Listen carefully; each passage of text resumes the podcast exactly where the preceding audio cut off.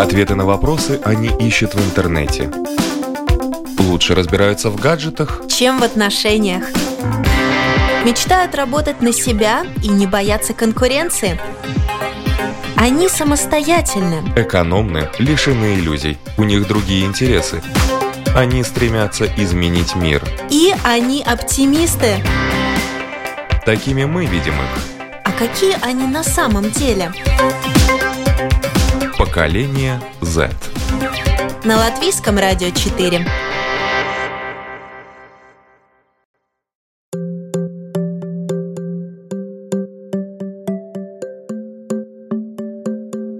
Здравствуйте, уважаемые радиослушатели. У микрофона Марина Талапина за операторским пультом Кристина Делла, музыкальный редактор программы Кристина Золотаренко. И сегодня много говорят о разнообразии образования, разнообразии систем образования, о разных подходах в обучении, о неформальном, домашнем образовании и так далее, в школьном, внешкольном образовании. И насколько эти направления эффективны, мы решили обсудить сегодня. Вернее, не мы решили обсудить, а участники предложили обсудить. А как вы знаете, участники нашей программы – это школьники, которые сами выбирают темы для дискуссии. И я рада представить, у нас сегодня в гостях Анна Алексеева. Здравствуйте. София Гурина. Добрый день. София Пейсахович. Здравствуйте. Анна Смыкова. Здравствуйте. И Даниэль Иванов. Здравствуйте. Итак, вы все знаете, что такое школа, что такое обучение, что такое обучение вне школы, да, и э, у кого какие, э, какой опыт по этим вопросам и какие взгляды? Вот как вы оцениваете вообще систему Ну, у меня довольно... Я могу сказать, что у меня довольно большой опыт в плане образования. Я сменила за свою жизнь довольно много школ, около пяти или шести. Вот, и моя мама, она является очень большим фанатом э, экспериментального образования. Она очень любила экспериментировать со мной, записывая меня не только в разные кружки, но также и экспериментальные школы. И э, сколько систем образовательных ты прошла? Получается, пять школ. Сколько у тебя помимо этого было кружков? Я занималась, наверное, всем, чем можно. Я думаю, что перечислять будет долго, но если из таких основных я занималась вокалом, танцами, фигурным катанием, шахматами, рисованием э, и рука... ну, рукоделием, и там тоже большой список всего, и я думаю, что на этом остановимся, потому что остальное я не помню. Ну, направление, да. Технических ну, и развивающие кружков занятия. не было, да. Я так поняла, что это единственное, чего у тебя не было, это технических различных кружков. Да. София. Ой, по сравнению с Аней мой опыт гораздо проще, потому что за всю жизнь я не поменяла ни одной школы. Как вот я поступила на подготовку в свою школу, так и в ней и учусь уже 11 лет. И, в принципе, даже не на что жаловаться. Я, наоборот, человек, который любит стабильность, и я не нуждаюсь в экспериментах. Меня, в принципе, устраивает программа обучения, которую предлагает моя школа. Но, естественно, вне школы очень важно получать образование, потому что оно оказывает большое влияние на наше будущее. Чем вне школы ты занимаешься? А, ну, так же, как и Аня, в моей жизни, как и в детстве присутствовала музыка, так сейчас она тоже возвращается. Раньше я занималась игрой на пианино, позже стала заниматься еще и вокалом. Помимо этого, также занималась танцами, в том числе также фигурным катанием. Какое-то время даже занималась боксом, но это было не длительно. Как-то не очень подошел мне и моему типажу этот вид спорта. А как ты туда попала сразу? Хочется спросить. А вот мы... Настал такой период в жизни, когда мы с мамой осознали, что в моей жизни нет спорта. Вот ничем я не занималась, только ходила в школу и как раз играла на пианино. Это плохо, и решили то, что надо улучшать мое здоровье. А, смотрели в интернете различные кружки и вот наткнулись на бокс. Ну, Несколько бокс раз буквально. Такой мужской. Да, еще и причем это было недалеко взгляд. от нашего дома вместе Вид там спорта. да и попробовала, но не мое это. Все-таки да, я больше люблю танцы и все, что связано вот с какими-то женственными видами спорта. Да нет. Так, мой опыт тоже достаточно схож с Софией, да. Я тоже, я ни одной школы, ни школы не поменял. Я вот как учился с, первой, с первого класса э, и вот сейчас до девятого уже учусь в, в одной школе. Я где-то, ну, с детства самого любил очень э, заниматься именно вот техническими такими вещами в плане не математика и там физика, а какие-то компьютерные условные науки, потому что с детства у меня был доступ к, к этим вещам, я очень любил так детально в этом всем разбираться. Разбирал и компьютер в детстве? Разбирал, да, разбирал, собирал. У меня отец очень любил это, этим заниматься. У него как хобби там делать очень такие интересные вещи с компьютерами. И со скольки лет ты собираешь, разбираешь компьютеры? Ну, я не только их собираю, разбираю, вот, но я люблю именно заниматься в компьютерах. Вот. И в пятом классе где-то примерно я уже начал интересоваться темой видео. То есть э, как-то это было совершенно спонтанно. Я помню, что там было такое одно домашнее задание по информатике. Нужно сделать ну, новости условные. И я вот, значит, взял телефон, э, там, значит, одел рубашку, записался, потом это все смонтировал и забыл об этом. И потом на протяжении вот какого-то промежутка времени появилась у меня другая идея. Мы вот ехали в экскурсию, я загорелся такой идеей, как ну, снять, заснять эту экскурсию и потом ее смонтировать и показать своим одноклассникам. И, в общем, все это выросло в то, что у меня уже э, есть такой небольшой источник заработка. Я уже работаю в видеостудии. Я занимаюсь там монтажом, съемкой и прочими вещами. И э, вот у меня в одном направлении получается развиваться. Вот. На самом деле шапки долой, да, то есть э, внешкольное обучение переросло уже в заработок для тебя. Да, да, я... Приносит доход? Да, ну, хор... приятный доход, как для меня, потому что это самый первый. Вот, и очень интересно то, что я э, изучал и постигал всю эту тему, ну, в интернете. Я... Самостоятельно? Самостоятельно, да, то есть я там по сусекам эти знания наскребал где-то там в интернете, там видео, знакомые, сам опыт, вот тоже опыт, э, тоже важная вещь вот пока ты сам не разберешь что-то, то ты можешь не очень хорошо этим, так сказать, Владеть, развиться в этой да. теме. Мы еще вернемся к этой теме. София. Что касается меня, я вписалась где-то между. Я сменила за всю жизнь только одну школу. Я раньше училась в Рижской Золотовской гимназии, теперь я учусь э, дома, на Талмацеве, как говорят ребята. А, решение такое... Отдаленное обучение. Да, отдаленное обучение. Дистанционное. Да. Называют, да. Решение такое было принято, потому что я хотела и хочу до сих пор больше времени посвящать саморазвитию и своим хобби, а, чем школе. Это, конечно, может показаться кому-то неправильным, но у каждого свой путь. А, потому что я, помимо школы, я занимаюсь рисованием, вокалом, спортом. Что Каким видом ну, просто в спортзал хожу с тренером два а. раза в неделю, да. Ну и куча самообразования в сфере моды у меня. А еще я в одной организации состою тоже молодежной. У меня есть чем заняться помимо школы, и я очень рада, что действительно у меня хватает времени на то, что мне нравится, и то, что то, чему я хочу жизнь посвятить в будущем. Ань? А, в моем случае я очень похожа на двух наших участников. Это на Софию и Даниэля. Я за всю свою жизнь не сменила ни одну школу. Я до сих пор учусь в Рижской Зальтутской гимназии. Я уже в девятом классе. Ну, мне на данный момент очень нравится там находиться. Из своих личных увлечений у меня, к сожалению, нет времени, но я дополнительно занимаюсь английским языком по субботам и также до этого участвовала в английских дебатах. То, что касается системы образования в школе, у кого какая? У кого дистанционная, у кого э, традиционная, традиционная да.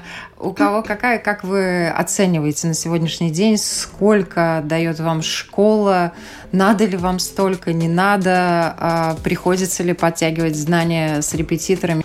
Когда я еще училась в школе, это было до шестого класса, вот в седьмом я уже перешла на дистанционное обучение. Да, мне приходилось много времени тратить и на школу, даже в шестом классе, и на репетиторов. А, единственное, чем я занималась помимо школы, это вокалом фортепиано, и все. Мне вообще ни на что больше не хватало времени. У Ани вообще нет времени, как она только что сказала, ни на какие хобби. К сожалению, в большинстве случаев, хотя, ну, каждая школа, она немножечко отличается от другой, мне кажется, у ребят очень много времени уходит именно ну, только на школьную программу, а и нет времени на саморазвитие, потому что, когда ты уже закончил, хочется отдохнуть. то, что касается твоей учебной программы, по которой ты учишься, вот насколько ты довольна этой учебной программой, насколько ты успеваешь, э, как ты сдаешь экзамены, какая оценочная система? Меня моя школа устраивает во всем, кроме того, что э, как бы дистанционное обучение через интернет это достаточно новое такое явление. Поэтому сайты там, ну, честно скажу, ужасные. Ужасные. Я трачу много времени. Я половину времени своей учебы трачу лишь на то, чтобы разобраться с какими-то проблемами программирования в этом сайте. Это ужасно. Это самый большой минус вообще э, дистанционного обучения. Все остальное меня прекрасно устраивает. Ну, мне приходится подтягивать знания по латышскому и по математике, но это не касается именно моей школы, это касается того, что я когда-то давно это забросила. вот. То есть все равно тоже ты с репетиторами да. подтягиваешь знания, да? Да. Даниэль? А, у меня опыт достаточно традиционный, э, как у всех, скажем.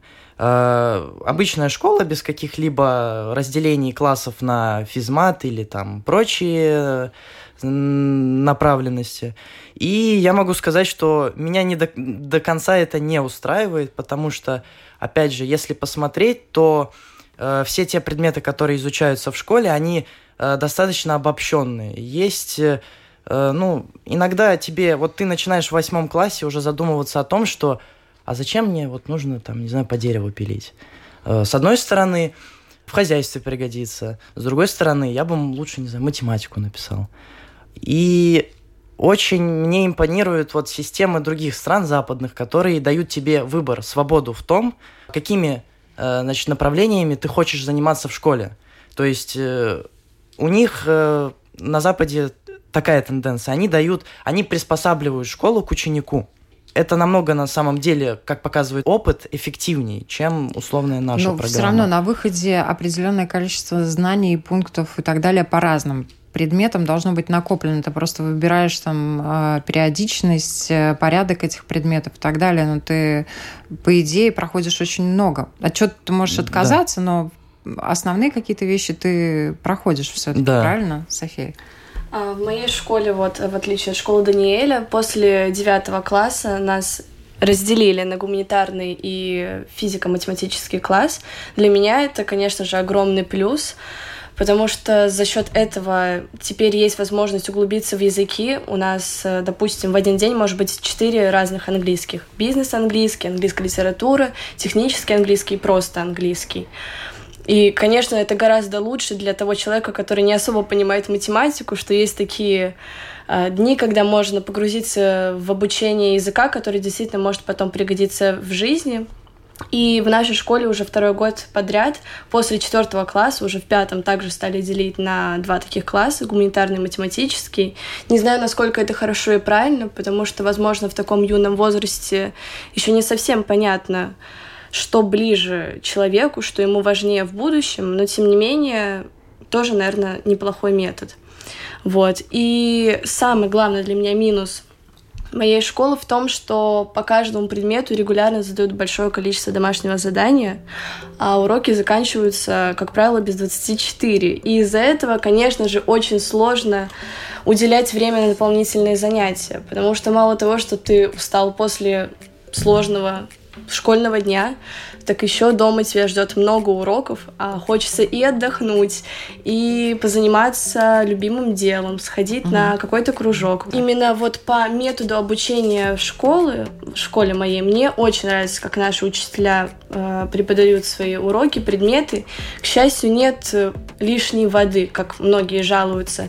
Действительно, все относятся к своим предметам ответственно и четко распределяют время урока. Вот это вот большой-большой плюс. Профессионалы вот. работают. Да, да? мне С очень... вами работают профессионалы. Да, То, что касается, кстати, физиков и лириков, это вот как раз говорят подход учителей, насколько а, правильно математик предложит э, различные методы обучения своему ученику, который, может быть, не с первого раза освоил предмет, знания, которые он предлагает. То есть тут многое зависит от да. Э, учителей, но идем дальше. Ань, давай. Да, ну, мне есть очень много чего сказать, но да. я думаю, что времени... Пять школ. Пять школ, и все разные абсолютно и по методам образования. И разное восприятие, и ты на разных абсолютно. этапах а, своего Жизнь, развития да. была в этих школах. Я тоже. попытаюсь э, насколько, настолько коротко, насколько я смогу. Первая моя школа самая, это была э, экспериментальная школа. Они обучали детей по технике разнообразного образования. Я, честно говоря, мало что помню из этих времен, потому что я была довольно маленькая, но моя мама тоже мне что-то рассказала. Вот, мы учились по нестандартной технике, то есть, например, когда дети в первом классе учили сложение, вычитание, такие базовые вещи, мы уже больше на практике все изучали. Например, э, как мы изучали вычитание, в две колбы наливали водичку, потом ее сливали, потом мы смотрели, сколько осталось, так мы учили это. То есть у нас мозг немножко по-другому работал. Потом я училась в общеобразовательной школе, ничего нового и отличного от ребят я не скажу. Э, далее я училась тоже в частной школе, тоже общеобразовательной. Потом я училась вот как раз с Софией в одной школе на дистанционном, э, в латышской школе. Это была Рига Спирмес Талмацибис И тогда я в первый раз познакомилась с домашним образованием, удаленным образованием. Мне очень понравилось. Действительно, да, были э, те же самые проблемы, которые описывала София, то есть проблемы с сайтом, и проблемы у меня также были с учителями, потому что когда человек тебя не видит, ему намного сложнее тебя оценивать вообще, ну, а может быть, знания. наоборот, это более непредвзято получается? Ну, когда как. Иногда учителя очень предвзято относятся. У меня как раз-таки была одна э, не очень приятная история с учителем. Потом мы с ним вживую познакомились, и даже, я, я бы сказала, подружились. Вот. Не знаю, я считаю, что гораздо более непредвзято оценивают, потому что в школе оценка состоит в основном в том даже, зависит от того, какой у тебя даже почерк иногда. Или если вдруг ты болтаешь на уроке, учитель может занизить тебе оценку. Такое нередко со мной случалось в первой школе. Да, мне наоборот, мне занижали оценки по одному и тому же предмету из-за того, что учитель считал то, что я списываю откуда-то, но это действительно были мои э, идеи, то есть мои сочинения и так далее. Вот, и сейчас э, я уже, получается, второй год, я учусь э, тоже в дистанционной школе. На Западе я учусь в американской школе, то есть это не филиал американской школы, которая, школы, которая находится в Риге, это действительно реальная школа в Америке. Почти у всех американских школ есть э, сайты, то есть э, онлайн направление. И вот э, я учусь действительно Получаю невероятное удовольствие от обучения, потому что в программе абсолютно нет воды, прекрасные понимающие учителя, которые относятся вообще не предвзято, в отличие от э, школы в Латвии дистанционной, они очень ответственно подходят э, к оцениванию работы и, в принципе, образованию, то есть если я напишу учителю, он на мне незамедлительно ответит и поможет всем, чем только сможет. Вот, э, даже не знаю, что еще сказать.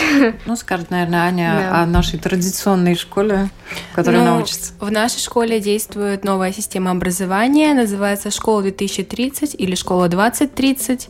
А, как по мне, данная система образования не очень, так как э, учителя слишком мало уделяют нам времени, наши расписания отличаются, то есть у нас есть неделя А и неделя Б, и уроки совершенно разные. Вот. Еще все наши уроки состоят по парам, и это достаточно сложно вытерпеть 80 минут одного и того же предмета, например, математики или физики в моем случае. И для меня учитель дает недостаточно информации, поэтому мне приходится брать репетиторов, потому что я что-либо не понимаю. То есть у вас уже такая университетская система, да, когда по ну, парам ну, да, обучаются? нас э, учат как в университете, то есть чтобы мы заранее привыкли. Ну, возможно, это плюс для некоторых, но для меня это личный минус. Угу. То есть это первый год для тебя, и ты еще не адаптировалась к этой системе? Ну, в прошлом году мы тоже начинали, но не было так сложно. А у нас сейчас девятый класс, то бишь экзамены, и для меня важно учесть всю информацию, чтобы хорошо сдать. Э, вот я смотрю, перед вами и задачи разные стоят, да, объемы разные стоят. Вот кто сколько времени тратит э, на обучение в день? Начнем с дистанционного. София, сколько у тебя часов уходит на обучение ну, в день? Во-первых, не каждый день я учусь. Э, в основном а из-за того, что я... воскресенье, ты ну, имеешь в виду? Не самый ответственный, конечно, человек в этом плане, но, но все успеваю как бы. Однако... Ты имеешь в виду те задания, которые тебе дают, ты успеваешь сделать? Да. Там нет сроков, просто нужно успеть к концу первого полугодия и к концу второго полугодия. Вот, и, ну, как бы в этот, в этот режим я как бы укладываюсь, но как бы я не очень правильно рас, расходую свое время, потому что вообще нужно, конечно, каждый день учиться по, ну, по два часа, это вообще идеально. Вот, по три это, ну, ты закончишь реально прям, а, конфетка, вот.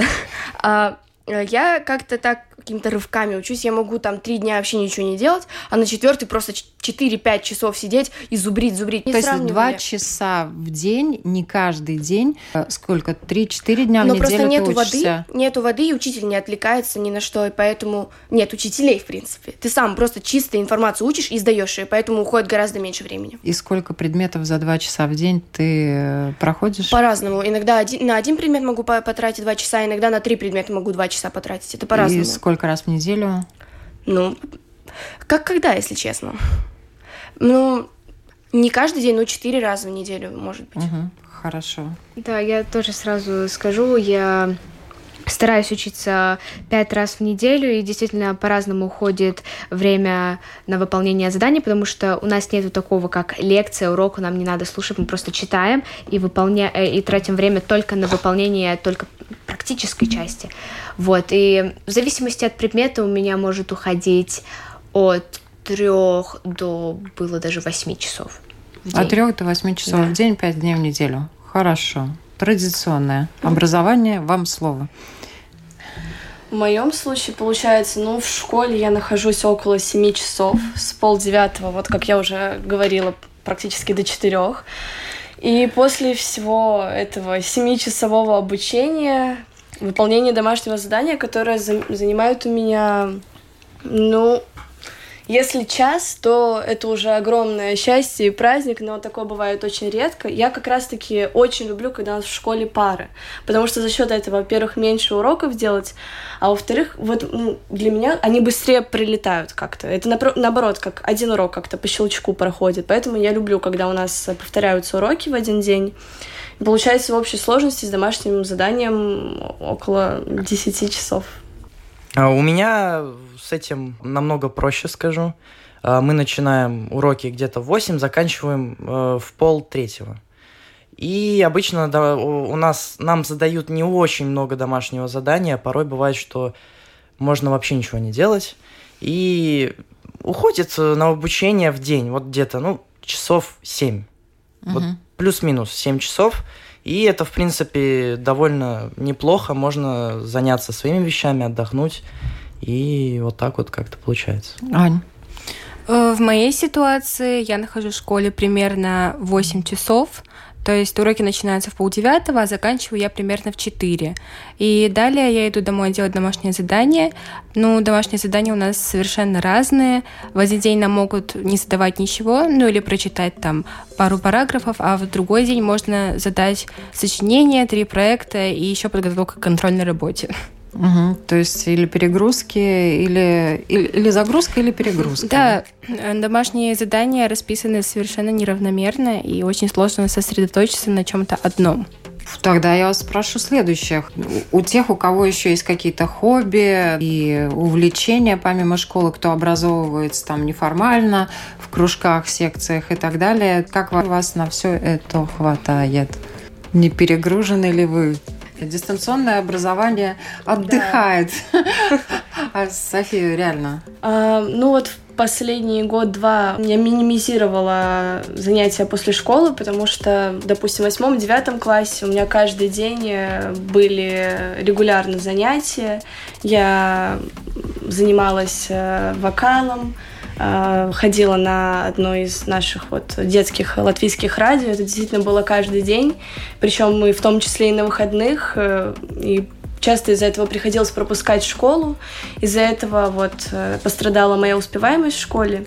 И поэтому вот в прошлом и в этом году я больше вне школы стараюсь заниматься с репетиторами, занимаюсь математикой, физикой и химией, потому что... То ну, есть не помимо, на самом деле, того, что вы в школе огромное количество времени проводите, вы все проводите еще время какое-то с репетиторами да, для освоения да. уроков, занятий и так далее. Да. Не все, но в основном вот э, девочки говорят об этом. То есть то, чего вам дают в школе, что в дистанционной, что в традиционной, недостаточно для того, чтобы освоить На эти самом знания? деле достаточно, просто тяжело некоторым людям одного раза для того, чтобы понять ту или иную тему. Допустим, у меня далеко не математический склад ума. Мне тяжело понимать исключительно по объяснению учителя, поэтому я вынуждена еще заниматься. Я Несмотря про это и то, говорю, что, да. что учитель объясняет так, что тебе этого недостаточно правильно? Твои родители Но... э, вынуждены кому-то обращаться, чтобы тебе помочь разобраться я с тем думаю, или иным то, предметом. Это, я думаю, то, что это скорее моя вина, что э, я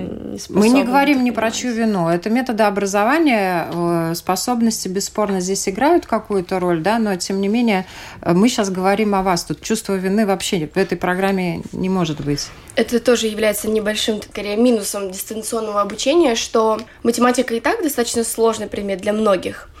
А, для меня а лекций нет? Ад. А лекций нет. Действительно, есть учитель, к которому ты можешь прийти на консультацию, но консультация очная один раз в месяц, а заочная один раз в неделю.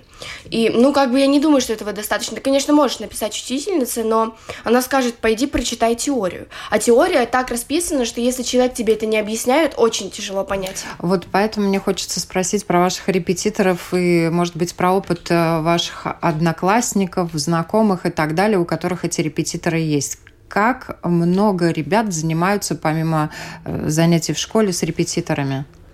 Ну, в моем классе достаточно много людей, которые берут репетиторов и по разным предметам, например, математика, история, физика. Даже есть ребята, которые берут репетитора по химии, потому что двух уроков в принципе, недостаточно. И плюс латышская система образования многим людям непонятна. То есть термины, примеры, задачи этого недостаточно. Да, многие берут репетиторов еще по той причине, что образование мы получаем на латышском, учебники даже на латышском, и требуется еще объяснение на русском. Вот. У меня тоже у многих э, ребят в классе есть репетиторы. Наверное, на первом месте лидирует математика, а также очень-очень многие занимаются с репетиторами по английскому, либо же ходят на групповые какие-то курсы. Но вот я сама занимаюсь репетитором по скайпу практически все пять дней в неделю, так как, ну, три предмета, каждый день задают какие-то домашние задания, и за счет этого, конечно, ну, моя успеваемость по этим предметам повысилась значительно. И Репетитор удоб... из нашей страны или из рубежа? А, ну, я вот за это время, за два года, три репетитора поменяла. П первая репетитор была за рубежом, а вот нынешний мой, мой репетитор, она живет в Латвии, но в другом городе. Но я не из-за этого занимаюсь э, по скайпу, не потому что там этот человек далеко, потому что это удобнее и экономит время. Мой опыт э, репетиторства вообще отсутствует, могу сказать. Э, то есть я знаю, я понимаю, что у меня вот по одному единственному предмету математика есть проблемы, но я обычно привык с ними разбираться, ну, как-то сам. Проще вот просто Посредством сесть. уроков э, в онлайн, Урок... YouTube? Нет, просто уроков. Же. Вот сидишь перед тетрадкой, смотришь, значит, в книжку, что-то читаешь. Сам пытаешься разобраться. Да, смотришь решение, пробуешь как-то сам, ну, догадаться, понять именно вот э, этот механизм, как нужно решать. И тогда, ну, я думаю, что если действительно вот подумать, подумать, то можно уже продвинуться намного лучше. А по поводу моих одноклассников могу сказать, что ну, мой класс не такой уж и большой, но э, репетиторами дум, мало кто пользуется, скажем так. Ну, парочку человек, и, наверное, это латышский и математика. Это все. Ань. В школе я очень часто пользовалась помощью репетиторов.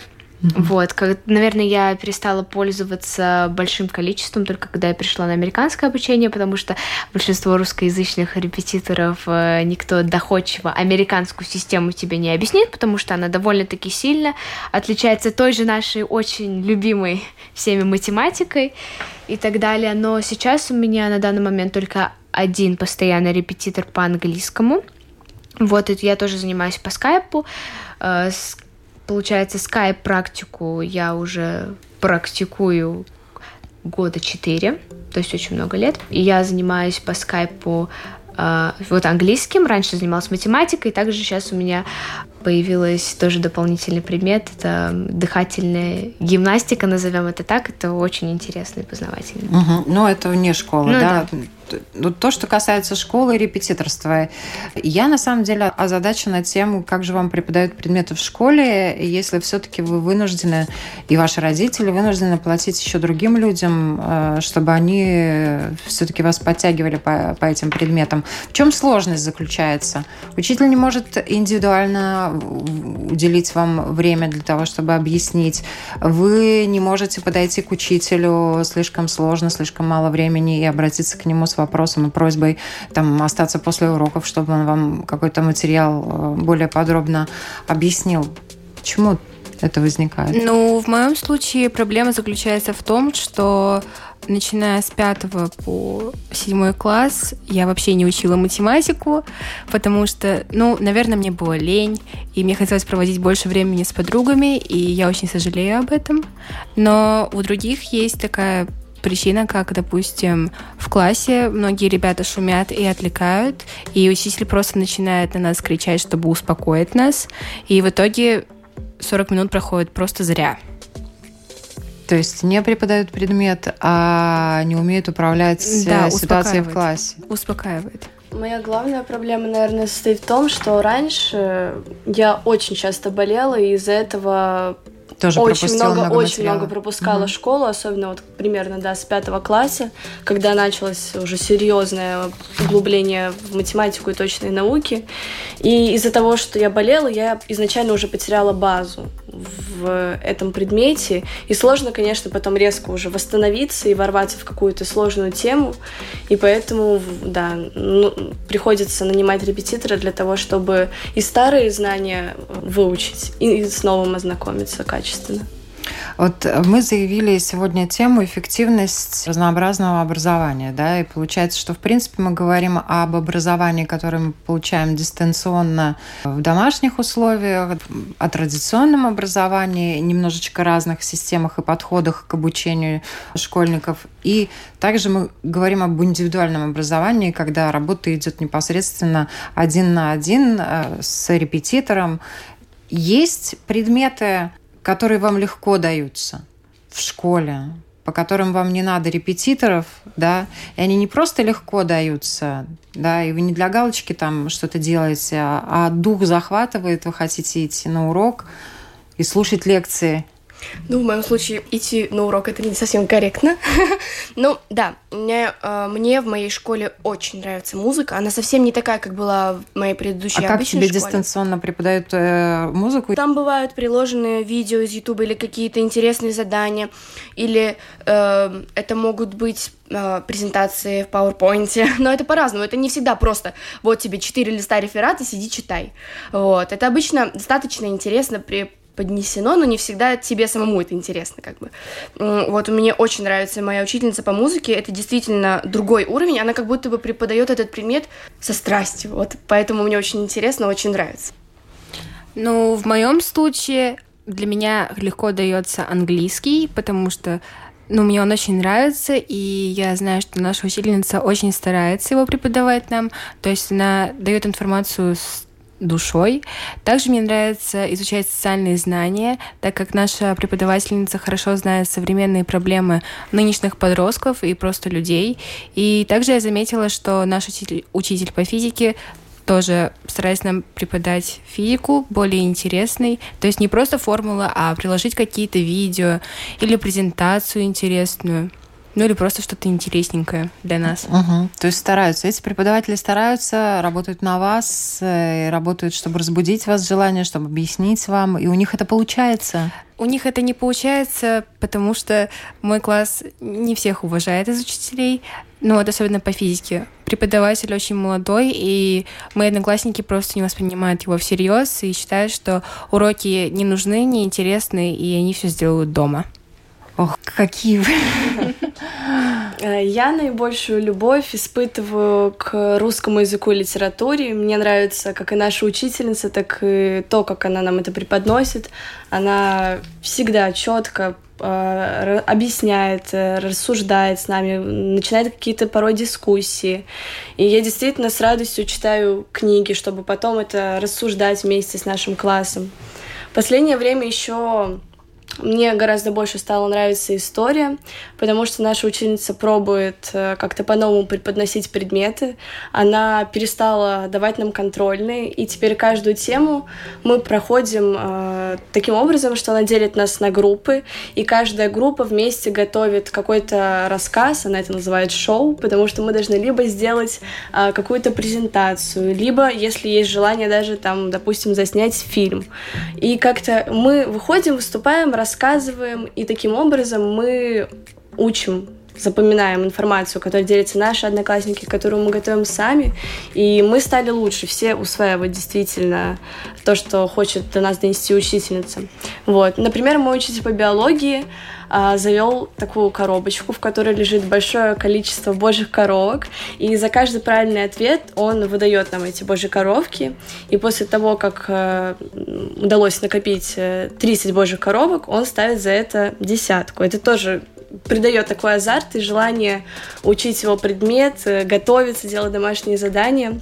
Вот, еще также хочу отметить свою ученицу по физике.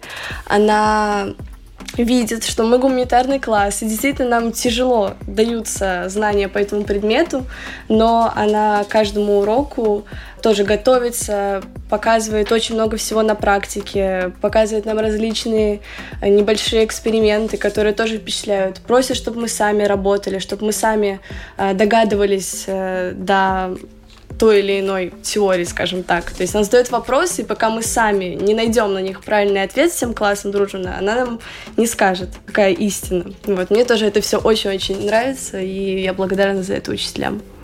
В моем же случае у меня только один пример выделяется из общей массы предметов, так скажем. Это география. Я думаю, никто не говорил о ней. Как удачно. Э, у нас учитель можно сказать, очень добрый, очень классно.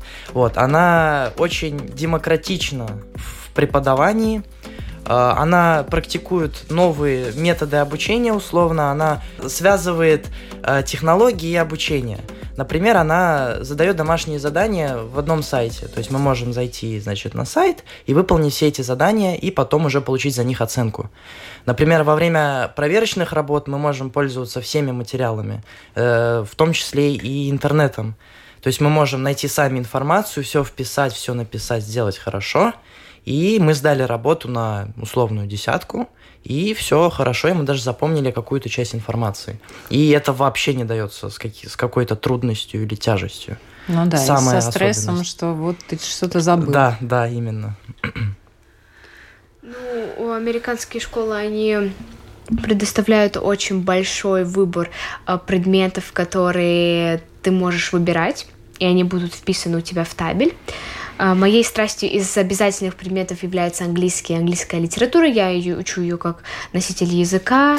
Но английский и английская литература сразу сами по себе предполагают много-много чтения, да, да, и переписку, например, с теми же преподавателями, да. А э, то, что касается дистанционного обучения, согласитесь, вы обделены общением с преподавателем, живым таким, когда ты можешь сразу спросить, когда ты можешь что-то потрогать, когда ты можешь э, что-то спросить. Второй мой любимый предмет, как раз-таки дополнительный, это основы бизнеса. Получается, туда входит экономика, ну, политика, американская политика, вот, э, и какие-то базовые знания как раз-таки бизнеса. Живое общение, вот какую роль играет в обучении, на ваш взгляд? Общение с учителями? Ну, я даже не знаю, как сказать у некоторых учителей не то чтобы общение, а отношение именно к человеку. То бишь, если э, ученик не слушает его предмет и отвлекается, то по сути и учитель будет общаться с ним, ну, не очень, то есть игнорировать его, или же не отвечать на вопросы, или отнекиваться тем, то, что нет времени ответить на вопрос. Ну, тут есть как плюс, так и минус, получается, ну, да? да. Ну, получается, как ты относишься к учителю, так же и он будет относиться к тебе. Как учитель относится к тебе, так и ты к нему. И ты к нему, да. Должно быть взаимное положительное, я думаю, отношение, чтобы ни у кого не было проблем, никто никому не занижал оценок, а если не было не совпало? Замкнутый круг.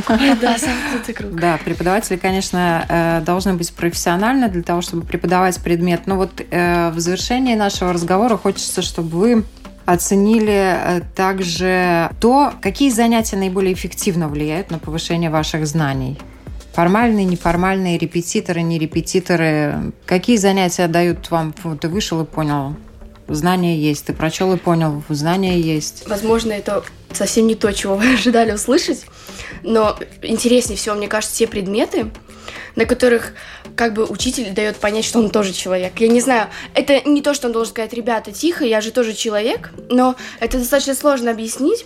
Но когда, например, учитель так объясняет, ты чувствуешь, что это не просто он не зазубрил или не вычитал из Википедии просто или из какой-то книги или из просто каких-то своих знаний. Он дает это объяснить так, как человек человеку, а не как просто ты должен выучить, я тебе говорю слова, а ты их впитываешь. Ну, э, какое-то человеческое отношение. Это для меня важнее всего, наверное. Но опять на первый план выходит личность преподавателя, да?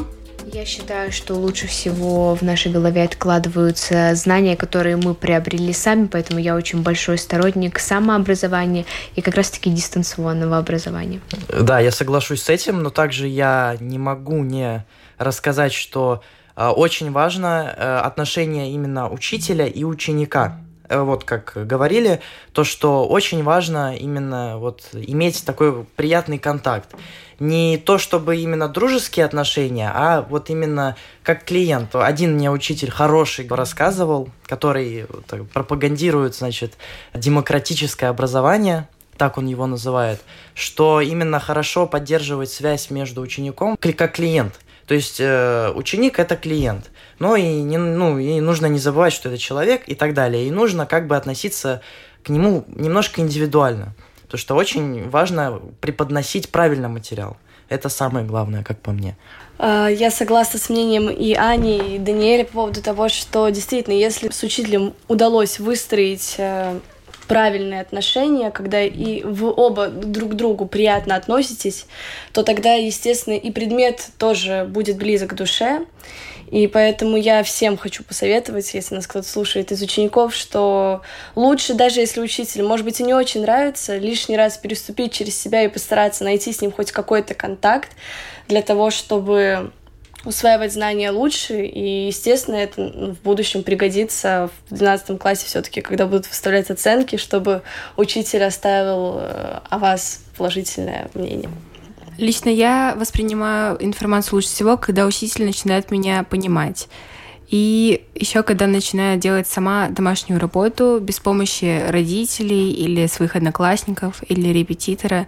То есть, как и все выше сказали, то, что важно понимание и отношение учителя, а также самообразование.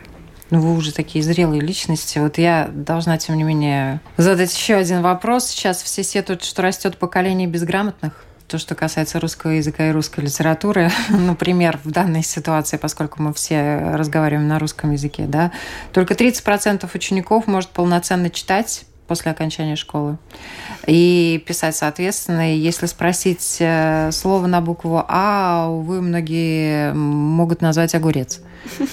Да. Что это? Мы тут все переглядываемся.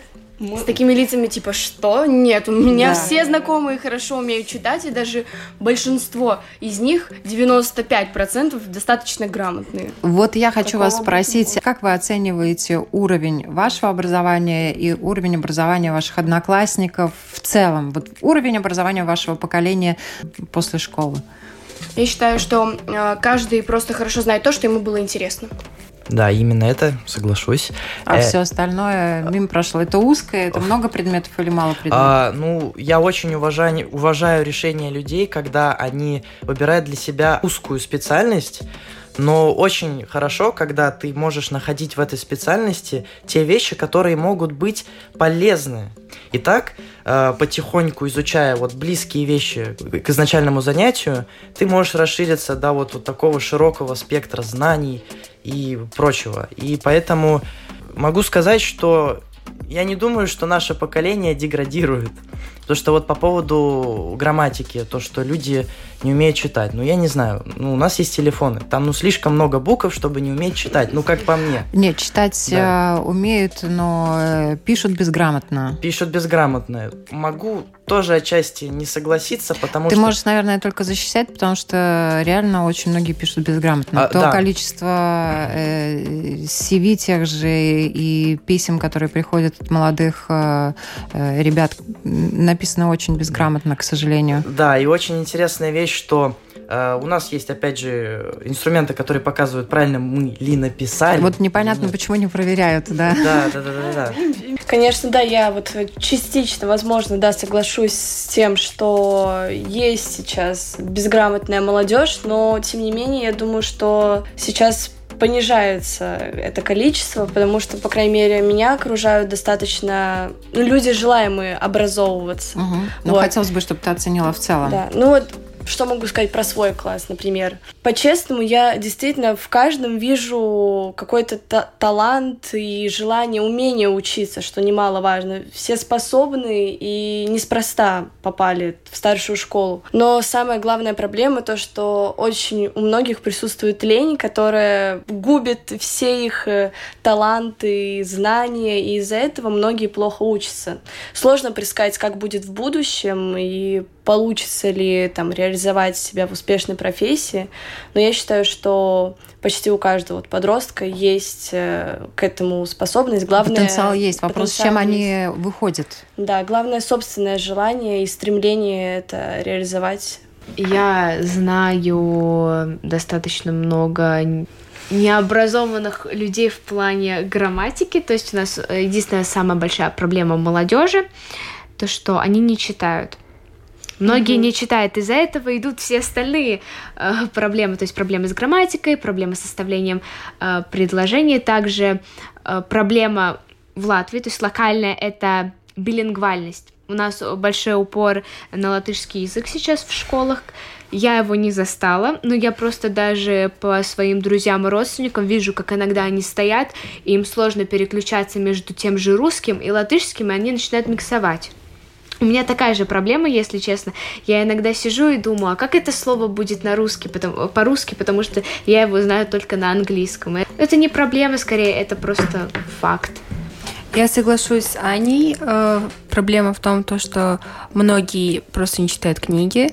Я приписываю себя к такому же обществу. Я читаю исключительно ту литературу, которую нам дают в школе. Ну, я не могу сказать то, что меня не интересует чтение. Просто я не застала пока что такой книги, которая мне прям очень сильно понравится в данный период времени. А вопрос про то, сколько человек использует информации на выходе из школы. Каждый мой одноклассник индивидуален, они все разные, но по мне каждый из них будет использовать около 60 или 70 процентов знаний, которые они получили. А откуда такие цифры? Исследования какие-то, журналы? Ну, я всего лишь предположила, просто у каждого будет своя профессия. Ну, я не думаю, что все хотят стать уборщиками или там, я не знаю, еще кем-нибудь. Хочу немножечко быстренько дополнить по поводу чтения. Я пишу анонсы к мероприятиям в Инстаграме, к одним определенным мероприятиям. И мне даже как-то говорили на собрании, «Э, ты, главное, не пиши слишком много, потому что дети это читать не будут. А, ну, сколько там в Инстаграме, там ограниченный пост, там очень мало можно написать на самом деле. Сейчас, к сожалению или к счастью, действительно, эта тенденция. Чем короче, тем понятнее, и сокращения всевозможные используются и так далее. Но это, наверное, тема другой Отдельно, передачи. Да. И мы, возможно, об этом обязательно поговорим. Спасибо вам большое, что были с нами. Замечательное поколение. Я напоминаю, у нас сегодня в гостях на тему разнообразия в образовании разговаривали Анна Алексеева, София Гурина, Анна Смыкова, София Писахович и Даниэль Иванов. Всем хорошего дня и помните, чему бы вы ни научились, вы учитесь для себя.